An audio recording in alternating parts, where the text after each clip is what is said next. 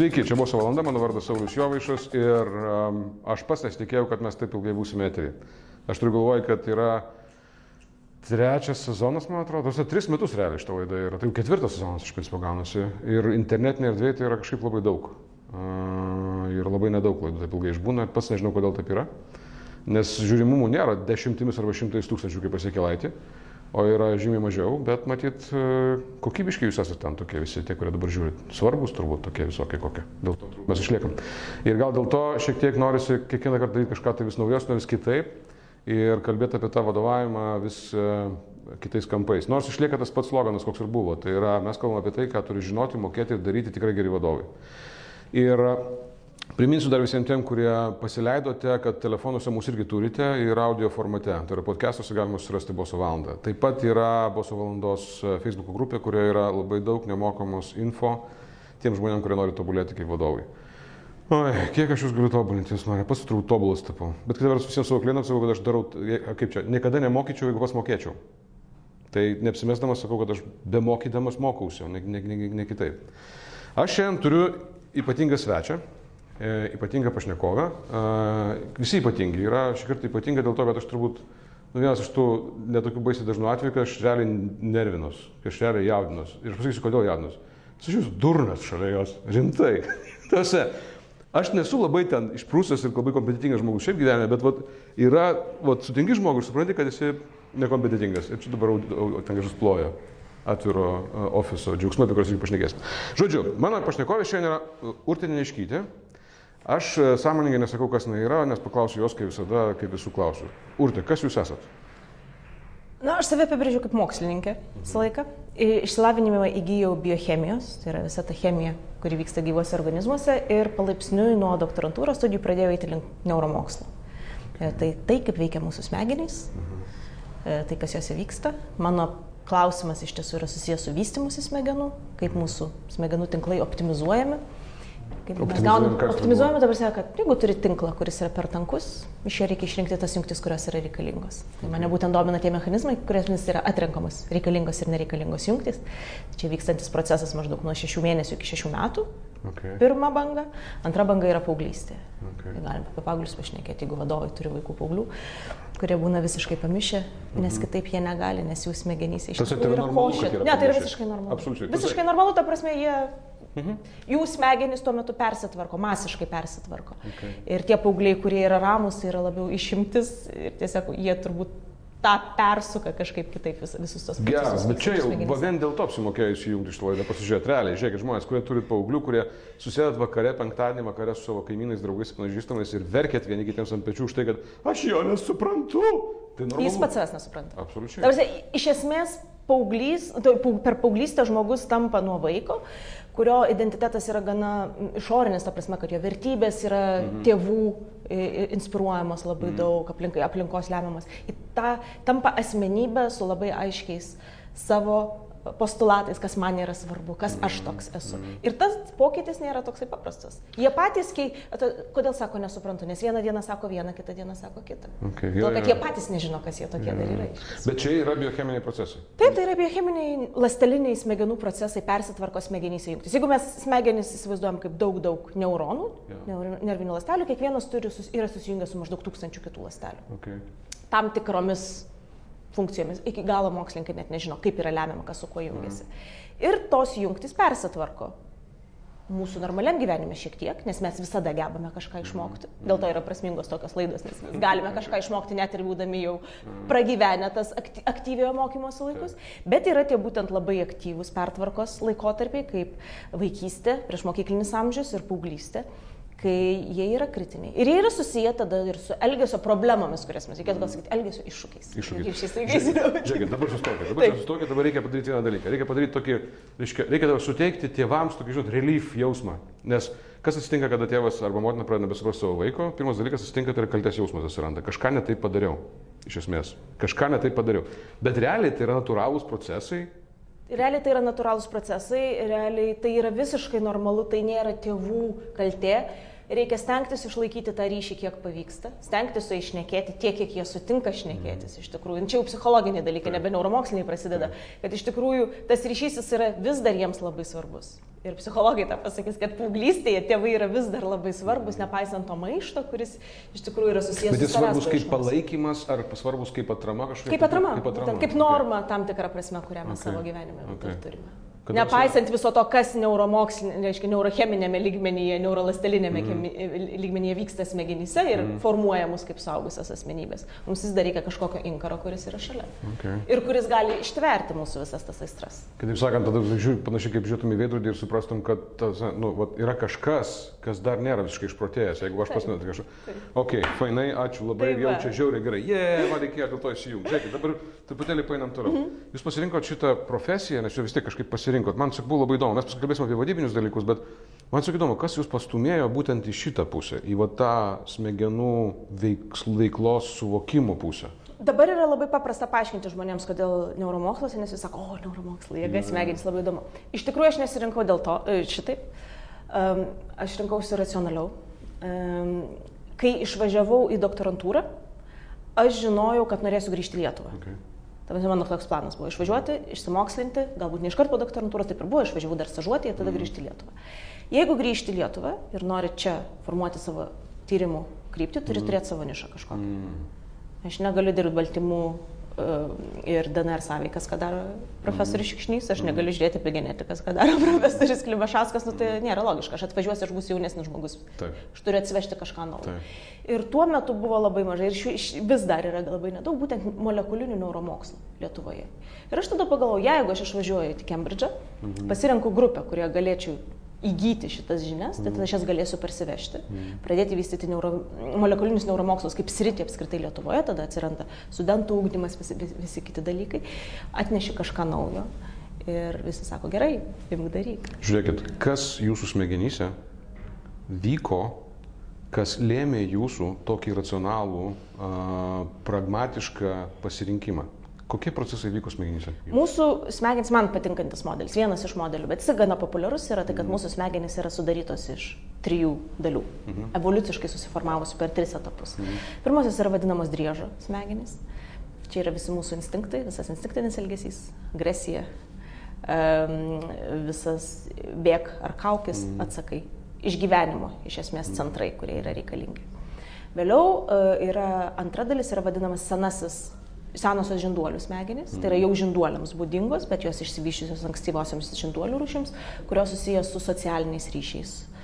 Kas jau yra svarbu, mes jau reiškia kaip bendruomeniškai, socialiniai ryšiai, prieraišumas, e, formavimas tarp palikonių, tarp individų rūšės ir panašiai. Ir tada mes turime neokorteksą, naująją žievę, naujasias smegenis, kurios yra jau protingosios mūsų smegenis. Tai visas tas racionalumas, kurį mes kaip suvokiame. Ir mes, kaip aš pats, kurį mes suvokiame, yra iš tikrųjų koduojamas naujosios žievės, neo- neokortekso. Bet visos mūsų emocijos yra pirmykščių žinduolių atsinešta Okay. dalis. Aha, Ir mes esame šitą sąveiką tarp mūsų racionaliųjų ir mūsų emocingųjų. okay. Ir ta sąveika iš tikrųjų, to laboratorijoje, kurioje aš dirbau Italijoje, buvo baimės procesai uh, tyrinėjami ir būtent yra susiję, kaip mūsų racionaliosios smegenys sąveikoja su mūsų emocinėmis smegenimis. Ir labai įdomi dalis iš tikrųjų man buvo, bet kai po to pradedi galvoti ir žiūrėti į e, visokius e, atvejus aplinkoje, kad iš tiesų mūsų racionaliosios smegenys, ką jos daro, neurobiologiškai žiūrint ir funkciškai, jeigu pradedi vertinti, jos slopina tą emocinę dalį. Toks tai yra kuo jų- toks darbas yra. Taip. Kad pavyzdžiui yra normalus elgesys vengti kito savo rūšės atstovo, kuris gali už tave būti stipresnis ir gali Taip. duoti kaulus. Na, nu, čia mes šnekame apie graužikų modelius, bet galime Taip. tiesiog tai, tai yra ištyrinėta labai gerai. Bet jeigu smegenys racionaliosios, jos jau žino, kad tu nugyveni su šitu graužiku, čia, čia tavo brolis, sesė ar kaimynas, Viršininkas. mes pavyzdžiui? galime smegenyse matyti, kad vyksta slopinimas būtent tos instinktyvios reakcijos, kad man reikia vengti ir prasideda bendravimas kažkoks. Kitaip sakant, pavyzdžiui, tokie procesai, aš pagrįšiu prie jūsų sprendimo, bet man tai yra svarbu mano konteksto šitam, pavyzdžiui, kada mes turime situaciją, kada yra vadovas, yra pavaldinys ir vadovas kaip a, potencialiai grėsmė a, pavaldiniui, nes tai yra grėsmė pavaldiniui, iš principo pavaldinys šiaip realiai, jeigu pasiduotų tą emociniai dalį smegenų, tiesiog jis pabėgtų. Jis pabėgtų. Jo. Ir jisai nori šiaip pabėgti, bet jo racionalinis smegenys slopina šitą visą reikalą ir jisai išlieka stovėti ir, reiškia, atsijima savo ten tuos visus, reiškia, pendelius ir, nu, jo. Taip, ir kas vyksta būtent paauglystėje? Paauglystėje būtent racionaliosios smegenys ir persitvarko. Jeigu mes žiūrėsime uh, vaikystėje, tai persitvarko ir tos žinduolių smegenys, ankstyvosios žinduolių smegenys, bet naujosios smegenys persitvarko būtent paauglystėje. Okay. Ir būtent tada mes paauglystėje išmokstame elgesio normų kurių pažeidimo nebetoleruojame suaugusiems žmonėms. Nes mes vaikams atleidžiame labai daug Taip. ir tada suaugusiems daugybės dalykų nebeatleidžiame. Taip. Ir tas gebėjimas nesielgti netinkamai yra būtent išvystytos racionaliosios smegenys, kurios kontroliuoja tą mūsų instinktyvų ir emocinį elgesį. Ok, tai tai reiškia, dabar jūs grįžtate prie jūsų sprendimo, tai jeigu aš teisingai supratau, iš esmės... Išlavintas neokorteksas. Išlavintas neokorteksas, kuris jums, reiškia, nuslopino jūsų... e, Nuslopino visą tą stresą, kurį jauti vykdamas, tarkime, čia gal ne tiek su neurom... Apskritai gal išvykimo didelį stresą, nes tai nebuvo lengva man, iš tikrųjų, tai emociškai tai buvo tikrai sudėtingas dalykas, išsikelti iš vienos šalies į kitą. E, Bet, tarkim, pasirinkimas srities, jis irgi gali kartais rinktis lengvesnius variantus, Aš dėl to, va taip, nu, sakau. kartais lengvesnius sunkiau. Okay. Kažkokiais planais, nes būtent planai, planavimas, lyginimas, racion... čia yra mūsų racionaliųjų smegenų veiklos rezultatas. Ok, žiūrėkit. Grįžtant prie mūsų, reiškia, vadovo pavaldinių ir visų kitų reikalų, reiškia, vadovams viena didžiausių galvos skausmų yra tai, kad, nu, yra žodis, kuris yra keiksmažodis, tai yra efektyvumas. Tai yra tas momentas, kada, reiškia, žmonių mažėja, reiškia, verslai auga, procesai sudėtingėja, e, greitėja, a, visiems, reiškia, tasai uncertainty, reiškia, duoda per galvą nežinomumas ateities ir panašiai. Ir vat, e, jie galvoja, ką aš galiu padaryti, kad mano darbuotojai būtų efektyvesni. Tada prisisamdo visokių konsultantų, kurie ten visokie psichologiniais klausimais, reiškia, juos ten konsultuoja, paskui kitų konsultantų, kurie ten, reiškia, strateginiais, visokiais procesiniais klausimais, kad sutvarkyt procesus, tai yra tam, kad būtų efektyviau. Bet iš principo efektyvumas tai yra, nu, realiai tai yra panaudojimas pragmatiškai turimų resursų maksimaliai efektyviai. Ir tai yra realūs smegenų procesai. Taip. Jo. Tai mano klausimas yra, kas lemia žmogaus efektyvumą, o tam lygmenyje, e, kur smegenų. Neurobiologiniam. Jo. Mes iš tikrųjų, bus skirtumai tarp skirtingų žmonių, Okay. nes mūsų smegenų tinklai yra labai skirtingi. Okay. Mhm. Ir aš nesu skaičiusi literatūros būtent su efektyvumu susijęs, bet tiesiog galvoju kaip užduoties atlikimo Mhm. greitis. Jo, jo, taip, sakykime. taip, tai apie tai eina galime, apie tai galime galvoti. Taip. Tai žmonės užduotis atlieka skirtingais greičiais. Tie, kurie atlieka lietai, net nebūtinai atlieka blogiau kažkaip. Jo. Jie gali atlikti tiksliau, Okay. jie gali atlikti su mažiau klaidų. Tai- Geriausiai mes visą laiką, aišku, norime tų, kurie greitai ir be klaidų. Taip. Bet tokių yra labai nedaug. Maksimaliai robotus panašus. Taip, turbūt taip, bet tokių yra labai nedaug. Okay. Jeigu mes šnekam apie aplinką apskritai, kuri galėtų lemti Mhm. efektyvumą, mes turime čia išskirti kai kuriuos dalykus, kuriuos jau paminėjot. Tai yra e, stresas dėl įvairių aplinkybių. Dėl Mhm. Tai- to pačiu, kad neapibrieštumai visi ir panašiai. Stresas skatina įsijungti net ne senasias žinduolių smegenis, o driežo smegenis. Ta Okay. prasme, mes einame iš viso bėga ar muškis veiklą. Tai Tai mūsų iš esmės smegenys turi sukontroliuoti labai tokius instinktyvius procesus. Tai žiūrėkit, nepabėgit dabar nuo manęs, labai labai greitai, aš bandau paskui pasivyti. Žiūrėkit, jeigu reiškia aš esu vadovas ir galvoju, kad keldamas stresą savo darbuotojams aš padidinsiu jų efektyvumą, tai aš elgiuosi kaip idiotas. Teisingai? Nu, čia naivu, mano nuomonė, taip tikėtis. Okay. E, tam tikrą prasme, tam tikras streso lygis. E, tai ne, stresas, kurį mes vartojame bendrinėje kalboje, Taip. iš tikrųjų reiškia stiprų stresą palyginus to, ką mes mokslė. Stresas gali būti tiesiog tai, kad tu neguli. Mhm. Tu turi tokį kažkokį, turi poreikį kažkur judėti. Tai tas švelnus toksai poreikis judėti, mes tai vadiname motivavimu. Mhm. Jis yra svarbi dalis, žinoma. E, Ir tam tikras adrenalino lygis, kylantis irgi, jeigu mes patiriame stresą, Taip. jis irgi yra reikalingas. Jeigu mes adrenalino neturime, mes esame vegetatyviniai būs- Okay. būsenai apskritai. Taip. Mes turime tam tikrą turėti. Bet tą subalansuoti ir būtent agresyvus elgesys, kuris vis dar Lietuvoje kartais yra Kartais, matomas mhm. kaip norma vadovavimą, jisai tikrai yra neigiamas, jis nieko gero neatneša. Okay. Ir jisai negali nieko gero atnešti biologiniu lygmeniu. Ok, tai reiškia, jeigu mes kalbame apie tai, kad jeigu mes čia bandom labai spekuliatyviai, aišku, aš čia viską darau, bet a, privesti prie kažkokių tai nu, idėjų, kurias galėtų pasiimti mūsų žmonės, tai reiškia, iš esmės, jeigu aš noriu, kad mano žmonės maksimaliai efektyviai panaudotų turimus resursus, skaitant tas prie smegenis, kurios daro sprendimus panašiai, aš turiu su- sugebėti, reiškia, išlaikyti tą balansą arba tą sveiką streso lygmenį, jo, kuris leistų žmonėm būti reiškia, visai kaip aktyvuotais, bet jokiais būdais, kad ne, ne, ne, nepradėtų bijoti. Taip, nes jie tada naudoja savo uh, racionaliasias smegenis, jie naudoja ne tam, kad vykdytų užduotis, o tam, kad susidarotų su savo emocinė ir instinktyvė būklė. Okay. Kas yra visiškai neproduktyvu. gerai, ačiū. Mhm, važiuojam toliau. Jūs... Tai dabar, jeigu mes šnekame apie tai, vat, kokiu būdu pasiekti tą motivuotą, gerą Jo, būklę, jo.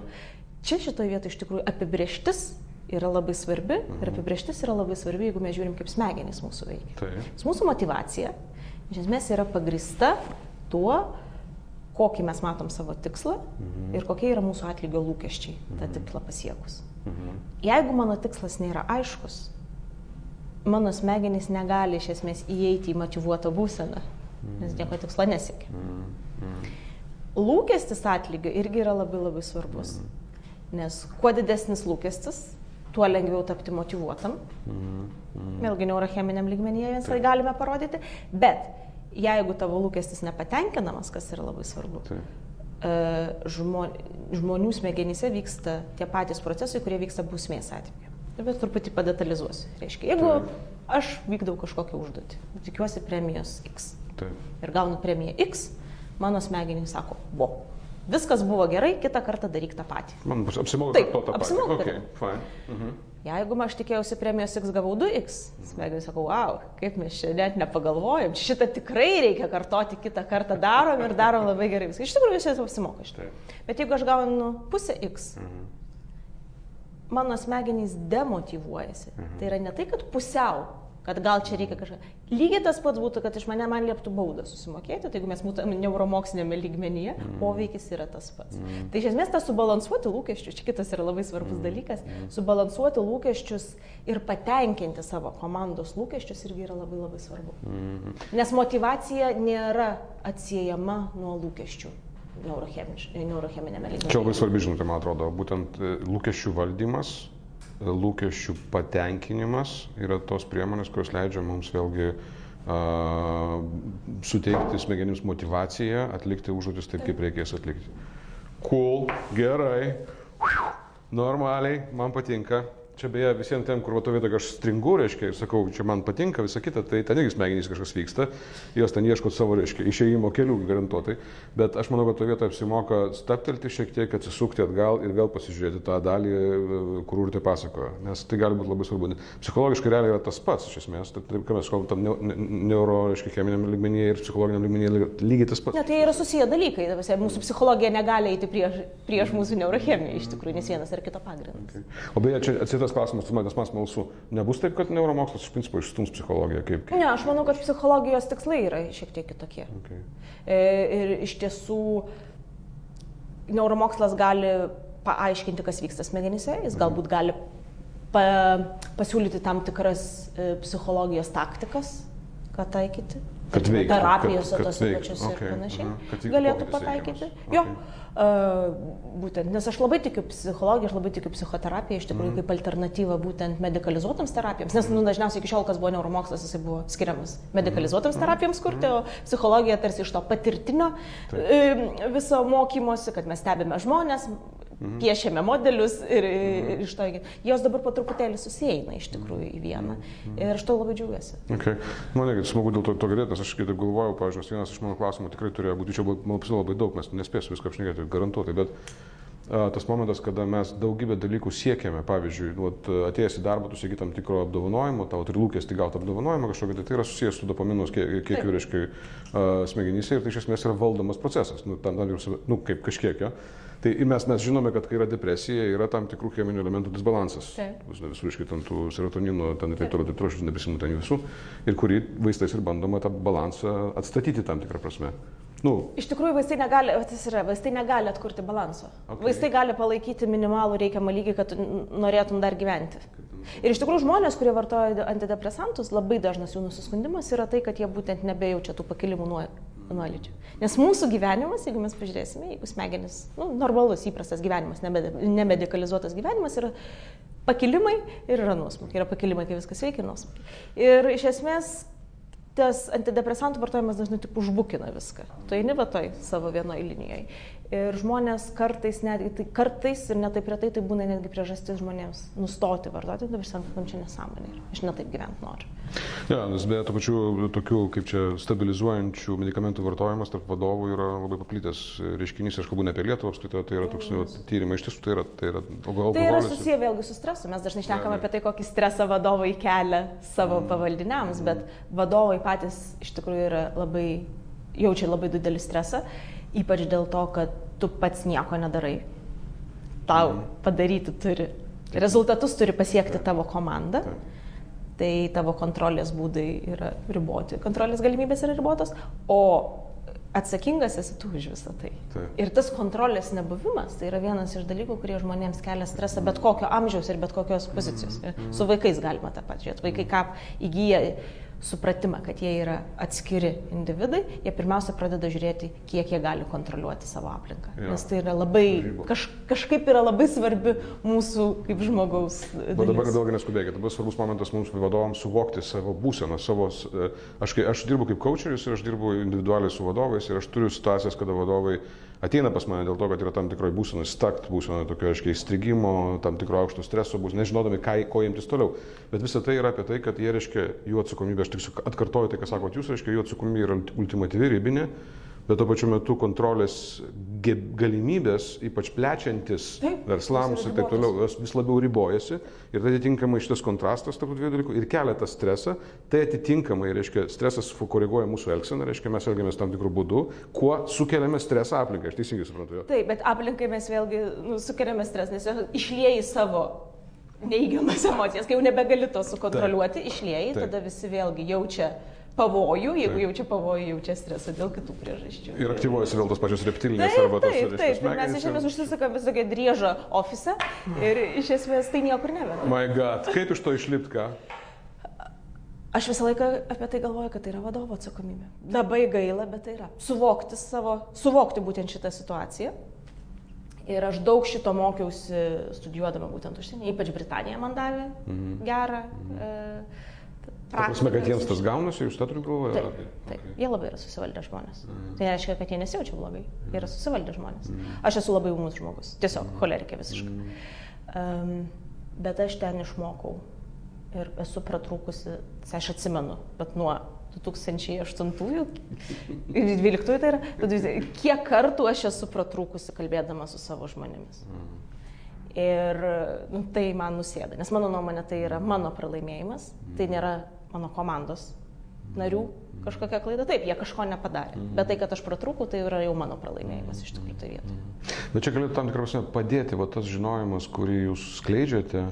Nes aš turbūt įdėsiu prie, prie linką į paskaitą Urtės puikiai, kuri man labai patiko, tiesiog ta paskaita Vilnius, Vilnius universiteto, tai manau, kad niekas nesupyks dėl to, tai bus dar geriau.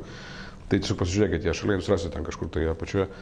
Bet va, tas žinojimas apie tai, kad, pavyzdžiui, aš kaip vadovas, mano, mano uždavinys yra kurti pridėtinę vertę. Ta pridėtinė vertė aš kuriu kitų žmonių pagalba. Jų įdarbindamas jų gebėjimus, jų efektyv, reiškia, efektyvindamas tos, tos resursus, kurie turi viduje.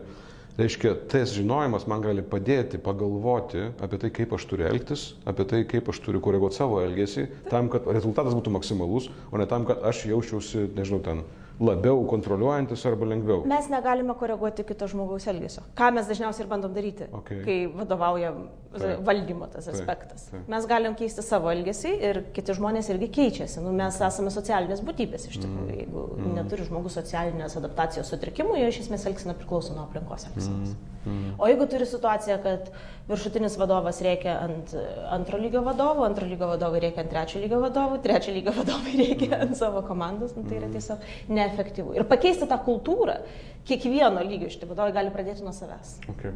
Iš tikrųjų. Fine, gerai. Dar du, du labai svarbus klausimai, nes man vos reikės tai baigti, o aš tik pradėjau. Tai Žiūrėkit, yra problema tai, ką jūs paminėjote pačiu paskaitoj, ir tai yra vadybinė problema. Šiandien tai yra psichologinė problema, tai yra vadybinė problema, tai yra constant gratification. Tai yra nuolatinis, reiškia, to įvertinimo e, poreikis, su kuriuo mes susidurėm, kada vadovaujam žmonėm, kurie yra jaunesni ir kurie sugebėjo išsiugdyti savyje va, tą gavimą to uh, gratification. Constant dar nėra blogai, nes mes visi turime gauti constant gratification. Okay. Tai yra mūsų lūkesčių pateisinimas. O kada tai yra blogai? Jų yra problema, kad tai yra instant gratification. Jie tai, tai, taip, būtent, kad jie turi tai gauti iš karto. Iš karto. Jo. Okay, dar nieko kad, nepadariau faktiškai. Nu, kad tarsi mes negalime šnekėti apie jokius didesnius tikslus, kad tai turi būti daroma kasdien ir nuolat.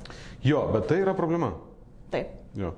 Ir vat neuromokslo prasme ką aš galėčiau kaip vadovas padaryti, kad man tai būtų mažesnė problema. Nes aš negaliu to panaikinti iš esmės, nes tai jau yra įvykęs faktas, tai yra socialinis faktas. Ir kitaip, nu, tiesiog nebus. Tai ką aš galiu padaryti, kad tai man netrukdytų pasiekti? Mes tada galime pradėti žiūrėti būdų iš tikrųjų to atpildo. Kas tas yra atpildas? Mhm. Nes atpildas yra ne tik pinigai, mes šnekame apie premijas. Taip. Atpildas yra rankos paspaudimas, pasakymas, kad viskas buvo super. Atpildas yra vakarėlis, mhm. atpildas dar mhm. kažką. Mhm. Galvoti būtent įvardinti tuos pasiekimus mhm. kartais mm. gali būti labai svarbu. Tai tarkime, mhm. dirbant komandoje su jaunais žmonėmis, galbūt mm. verta yra tai, kad mes aptarėme kiekvieną dieną, kiekvieną mm. savaitę čia priklausys iš tikrųjų mm. nuo aplinkos, kas buvo, ką pasiekė, kas ką pasiekė, kas kam pavyko ir akcentuoti būtent tuos, yeah, kuriems pavyko. Darom? Kai mes tai darom, ką mes padarome būtent smegenyse pa žmogui? Mes smegenyse leidžiam žmogui įsisamoninti, kad jis pasiekė savo tikslo. Jeigu jisai pasiekė tikslą, jisai jam išsiskiria dopaminas. O. Jeigu jam išsiskiria dopaminas, jis yra labiau motivuotas. Okay. Nes būtent tas, e, bet koks gratification yra susijęs su tuo, kad tu buvai įvertintas iš esmės. Mm. Ir kad tu pasiekiai tikslo mm. ir tai padarai sėkmingai. Mm. Mm. Tai, tai būtent šita dalis. Reiškia, aš turiu rasti kaip vadovas būdų, tam tikrus, šaržuojant truputėlį situaciją, reiškia, turiu rasti būdų, kurie e, netrukdytų mano, reiškia, procesų, reiškia, veiksmingumui, tačiau kurie tuo pačiu metu ir purkštų dopamino dozes mano darbuotojams. Taip, bet tai galima integruoti įvairiai, čia dabar, aišku, aš jau nebe į savo sritį, nu, bet tai galima integruoti labai įvairiai, tarkim, jeigu mes turime kažkokius dienos starto susirinkimus, mm. nu, taip tarkim, kas ką padarė vakar ir pagirkim tos, kurie padarė vakar. Super. Mm. Gausi pagirimą, serotoninas smegenyse skiriasi, dopaminas skiriasi, grįši prie stalo, jau būsi labiau motivuotas na, pradėti darbą. Visi, kam aš tai pasakyčiau, buvo esu pasakęs gyvenime ne vieną kartą, sakys, palauk, kaip pergirsi, kas tada? Pergirsi. Nu, pergirsi yra ta problema. daiktas šitam tam neuromokslo lygmenyje. Čia vėlgi galėtų būti susijęs su lūkesčiu nepatenkinimu. Jeigu tu užkeli lūkesčius, jeigu žmogus įsivaizduoja. Vėlgi, nu, turi girti už realius dalykus. Realius dalykus. Taip, taip. Aš nežinau, ar mes galime. Mes labai bijom pergirti. Ne tik darbuotojus, mes vaikus labai bijom pergirti. Aš, aš žinau, bet aš dėl to klausiu. Bet aš, aš netikiu, kad tai yra įmanoma. Aš, aš manau, mokytojus, kurie man sakė, sakė, parodyk man nors vieną tokį atvejį. Ta prasme, aš pergirtų, pergirtų atvejį. Niekas tokio atveju nematė, ne, o visi. Bet mes to labai bijom. Bijom, taip. O aš dėl to klausiu. Ne, aš manau, jeigu mes giriame žmogų už jo tikrus pasiekimus, jeigu mes įvertinam, jeigu mes sakom, jeigu mes jam pačiam padedame įsisamoninti, kad jis turėjo užduotį ir jis ją sėkmingai įvykdė mm. ir jisai patenkino lūkesčius, nes vėlgi, jeigu žmogus dirba kažkur, jo tikslas yra patenkinti savo įmonės lūkesčius, tai tai yra gerai ir jo neurochemija iš tikrųjų gerėja, mm. jeigu taip žiūrėsim, mm. ne tai, kad gerėja, sakykime. Leidžiam būti labiau motivuotam iš, iš tiesų. Taip. Ir Aš nesu skaičiusi apie neurocheminį per, pergydymą. Manau, didesnė rizika, ten tada visą laiką mes per neliktus su savo neuronešiklius galime koncentracijas pakelti tokiamis psichoaktyviamis medžiagomis, mm. ne gyvenimo praktikomis iš tiesų. Okay, okay. Nu, mes apie tai nešnekėsim šį kartą apie tas, tos dalykus, nors aš labai paskaito įdomiai ten nu, užkabina tos momentus, kad medžiagomis tą dalyką padaryti. Man kaip vadybos specialistui svarbus dar vienas klausimas ir čia faktiškai paskutinis didelis klausimas, manau, tai yra emocinis intelektas šiandien, kaip toks reiškinys, jis yra kultivuojamas labai vadybinėme ligmenyje, kur kalbama apie tai, kad emocinį intelektą privalo, kaip čia, ne tik turėti, naudoti, ugdyti pats vadovas tam, kad gebėtų daryti tinkamą pozityvį įtaką kitiems žmonėms panašiai.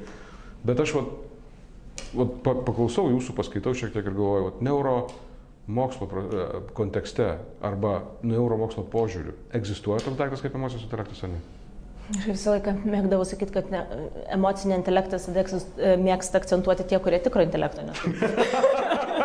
ok, aš manau, kad dabar pusė auditorijos nukrito nuo kėdės realiai. Ne, e, ne, man nepatinka pats terminas. Okay. Ir čia yra blogas vertimas. Mm -hmm. Nes mes turim intellect ir turim emotional intelligence. Lietuviškai viskas tapo intelektu. Intelektu, taip. Taip, kas nėra vienas ir tas pats iš tikrųjų. Tai emocinis intelektas yra. yra taip, intelligence, tai būtent naudojimas. Mano nuomonė, kas yra emocinis intelektas, tai yra žodynas kurį aš savo turiu. Tai yra, kad aš gebu atpažinti savo emociją ir gebu ją įvardinti. Jeigu aš gebu atpažinti ir įvardinti, jau mano protingosios smegenys, naujoji žievė įsisamonino tą emociją okay. ir gali su ją pradėti dirbti. Okay. Kurie jau mes norime link, linkme iš tikrųjų. Ačiū. Gali jai pasiduoti, tai yra viskas ok. Mes neturime, čia nėra tai, kad mes visą laiką visas emocijas turime užslapinti. Mm -hmm. Bet aš manau, kad pati svarbiausia dalis yra gebėti atpažinti savo emocijas. Nes mes iš tikrųjų tas emocinis, man labai patinka žo, e, terminas emocinis raštingumas. Mm -hmm. Iš tiesų. Mm -hmm. Kad mes įgyjame žodyną kalbėti apie savo jausmus. Mm -hmm. Ir verbalizuodami, mums apskritai esame mano nuomonė, kalbos atsiradimas labai prisidėjo prie mūsų taip, e, intelektinių gebėjimų vystimos. Ir tai, ką mes sugebame įvardinti, tą mes visą laiką geriau suprantame, ja. negu tą, kad nu, čia kažkas plevena aplinkui ir tai, ką mes jaučiame. Ja. Tai emocinės raštingumas be abejo yra labai svarbus. Jis yra svarbus tam, kad aš suvokčiau, kaip aš elgiuosi kokiose situacijose. Mhm. Jis yra tada svarbus, kad aš atpažinčiau kituose žmonėse, kaip jie jaučiasi ir galbūt galėčiau pradėti kvestionuoti, kodėl jie jaučiasi vienaip ir mhm. kitaip ir ką aš galiu padaryti, kad jie jaustųsi geriau, tarkime, jeigu aš mhm. matau tame, tame kažkokį mhm. iššūkį. Ir tai yra svarbi dalis, aš nemanau, kad tai gali pakeisti tą tikrą intelektą. Ok, mes ten, čia turbūt niekas nekalba apie tai, kad viena pakeistų kitą, bet uh, tada aš dar įdomu yra, kaip jūsų manimų, tada kokiu būdu galima lavinti va, tą raštingumą, būtent emocinį raštingumą. Uh Nes tai mes... irgi yra procesas smegenyse, tas raštingumas, kai tu atpažįsti, taip, identifikuoji, identifikuoji, tai ten kažkas vyksta. Mums reikia apie tai pradėti galvoti. Mums okay. reikia pradėti, mums reikia pripažinti save kaip emocinę būtybę. Mm. Kas man pačiai buvo labai labai sunku ir man užtruko 30 metų plus, kol aš mm. galėjau priimti tą emocinę savo dalį kaip save. Aš iš psichologų esu girdėjęs, kad žmonės dažnai atsina ir sako, kokia yra problema, aš nenoriu taip jaustis. Mm. Mm. Aš pati taip sakiau. aš nenoriu taip jaustis. Taip tu nenori taip jaustis, tu, tu jau taip jautiesi. Taip, čia tu. Viskas, jo. čia ne kažkas kitas taip jaučiasi, čia tu ir tu taip jautiesi. Taip. Priimk šitą ir tada pradėk klausti, kodėl tu jautiesi, kaip tu iš tikrųjų jautiesi. Okay. E, yra žodynai sudaryti, iš tikrųjų. Richardas Savukinas prieš kokį mėnesį, jisai buvo savo sienoje pasidalinęs būtent žodynų kiek mes iš tikrųjų turime net ir lietuvių mhm. kalboje žodžių pavadinti įvairioms emocinėms būklėms, priklausomai nuo jų tipo ir priklausomai nuo jų intensyvumo kiek mes jų kasdieną naudojame, mm. kiek mes jų galime naudoti savo jausmams įgyvendinti. Ir tada vėlgi galvoti apie jaunąją kartą. Mm. Nes jie tą žodyną tiek bet paprasta, tiek emocija ne, mokysis iš mūsų. Ir įvardinti vaikui, kaip jis jaučiasi, jis kitą kartą žinos. Jeigu jis gebės tau pasakyti, aš šiandien jaučiuosi įsiutęs, mhm. tai yra mažesnė tikimybė, kad tas įsiutis išsilies. Kad jisai kažką sugadins, arba kažką blogo savo pasidarys, taip, arba kažkam kažkada pasidarys. Tai yra labai labai svarbi žinutė, bet tai tas lygiai, aš manau, lygiai tas pats ir darbo, darbo vietoje. Jeigu aš skatinu uh, pas save organizacijoje kalbėti apie emocijas, o nemanau, kad tai yra pliurpalai, kaip kad mano daugelis žmonių, kurie tiesiog bijo tos būsenos su reiškiu tiltu. Nes tai yra baisu, tai yra, mes esame pažeidžiami toje vietoje, nes e, su savo racionaliam smegenimis mes susikūrėm tą savo įvaizdį, ypač kuo aukščiau esi vadovaujimo grandinėje, tuo didesnį. Ir tu nenori dalintis iš tikrųjų tą emocinę dalimi, nes dalindamasis emocinę dalimi tampi pažeidžiamas. Tai vėlgi aš nesakau, kad mes būtinai ten psichoterapijos grupės turime kiekvienoje įmonėje. Bet, Nors yra ir tokių net prisigalvojimų. Bet tai nebūtinai yra tose mindfulness praktikos, tarkim, tampa labai populiarius iš tikrųjų. Amerikoje tai yra žiauriai populiaru dabar, iš Skandinavijoje taip pat tai daro įmonėse, tai tampa vos. Lietuvoje girdėjau, kai kurios mokyklos pradeda mindfulness praktikas taip. iš tikrųjų. Ir yra įmonės, kurios tą patį daro, yra įmonės, kurios, pavyzdžiui, skiria vieną dieną per savaitę, tokiam netgi daliai dienos ir skiriam būtent šitai praktikai, nes jis supranta, kiek tai yra svarbu. Bet čia mes ne, nepropaguojam šitą dalyką, tiesiog čia yra pamastymai yra opcijos ir galimybės. Ir man labai labai svarbu, labai patiko tai, ką jūs pasakot, tas būtent raštingumo elementas. Raštingumas tai yra atpažinti, gebėti įvardinti ir atpažinti ir per tai vyksta ugdymasis, ugdymas to gebėjimo. Ir aš tą darydamas, aš taip pat ugdau ir kitus tam tikrą prasme. Aš nu, netiesiogiai ugdau. Bet, ne, bet jeigu aš įvardinu savo emociją kitam, jis vėlgi mokosi. Mokosi atpažinti tas emocijas ir atitinkamai jo, reiškia, tas lygmo kyla. Žiūrėkit, mes turime baigti, bet aš noriu Jūsų paklausti. O dabar įsivaizduokime savo, kad Jūs gyvenat Lietuvoje, Jūs grįžote į Lietuvą, nors galėjot negrįžti į Lietuvą, nors nu, Jūs galėjote puikiausiai daryti tarptautinę karjerą, taip aš įsivaizduoju. Kas iš esmės turbūt šiandien Jūs galite lygiai taip pat daryti tarptautinę karjerą gyvendama Lietuvoje, ne? nes ta geografija netoks labai keistas dabar šiais laikais dalykas yra. Bet, vat, nu, įsivaizduokite, šitą mūsų laidą žiūri, nežinau, nu visa Lietuva. Tai ir nėra daug, reiškia, saliginai netgi, bet, vat, bet ir nėra mažai, o tai yra nu tiesiog. Ir mes gyvename šitą aplinkoje, jūs gyvenate, aš gyvenu, operatorius mūsų Robertas čia gyvena, reiškia. Uh, ir vat, vat staiga visi bum ir įsijungia. Ir jūs turite galimybę pasakyti žmonėms žinutę. Norėtumėte jiems pasakyti kokią nors žinutę visiems tiems žmonėms, kurie žiūri? Kokia būtų galėtų būti jūsų žinutė? Visiškai stresas sukilo, drėžas smegenys įsijungia, tai išbėgsiu iš studijos. ne, ne um, ta prasme, labai nemėgstu mesijų. Ok, tai irgi žinutė. Jo. Tai irgi žinutė. Ta prasme, aš nemanau, kad aš žinau kažkokią universalę tiesą, kuri visiems būtų svarbi ir daugybė dalykų. Tai, ką aš šiandien šneku, tai yra mano supratimas, kaip tos smegenys veikia. Ir aš tikrai manau, kad yra žmonės, kurie diskutuotų ir nesutiktų su to, ką aš sakau. Um, aš manau, kad žmonės tiesiog turi daryti tai, kad būtų laimingi. Ir kas tai yra? Tai yra kiekvieno bus atskirai. Ir kaip ta neurochemija kiekvienam atveju veiks, jinai bus gerai. Ir mane labiausiai gazdina tie žmonės, iš tikrųjų, kurie žino, kaip visi kiti gali būti laimingi. Ačiū, man pilnai tinka šitos žinai, žinutės, čia, čia vėlgi apie tą patį, iš esmės jūs kalbate, ką jūs minėjote pas save ne vieną kartą ir pranešime, ir straipsnė, bet šitą frazę yra nužiauriai gerai skamba, apsiprašta, prašta. Mes norime turėti kuo efektyvesnės smegenis, bet stengiamės jų nenaudoti. Lygiai taip pat mes norime būti laimingi, bet stengiamės negalvoti apie tai. Bet stengiamės emoci... nuo savo emocinio gyvenimo atsiriboti, nes nors laimė yra tik tais emocinėme lygmenyje. Kažkoks kosmosas. Žodžiu, ačiū Jums labai, Urte. Uh, Urte Neiškytė, pasižiūrėkite ją Facebook'e, susiraskite pagal linką, kurį ištumės ir šiaip pasižiūrėkite, tose yra reikalų ir yra regalijų, ir yra visokių nuveiktų darbų. Aš manau, kad daro labai labai svarbu ir reikalingą darbą, visų pirma, neždama visiems mums supratimą apie tai, kaip veikia tos smegenys. Neužsidariusi savo laboratorijoje, tiesiog tyrinėdama, bet jinai būtent kalba apie tai. Ir mano supratimu, mums kaip žmonėm, kurie dirbam su žmonėmis, yra labai svarbi žinutė, kurią jinai skleidžia. Taip kad, nu, čia, žodžiu, yra reikalų, po šito reikalo ten pasikast reikia, jeigu ką. Bet kuriu atveju ačiū Jums labai uždėmesi. Čia buvo, buvo boso valanda. Susitiksime kitą kartą ir tikiu, kad nemažiau įdomiam pokalbėje. Bet tas tiesiog pantrinsiu urtai smegenys, jūs, nu, jas naudot reikia. Lemba rimtai. Nu.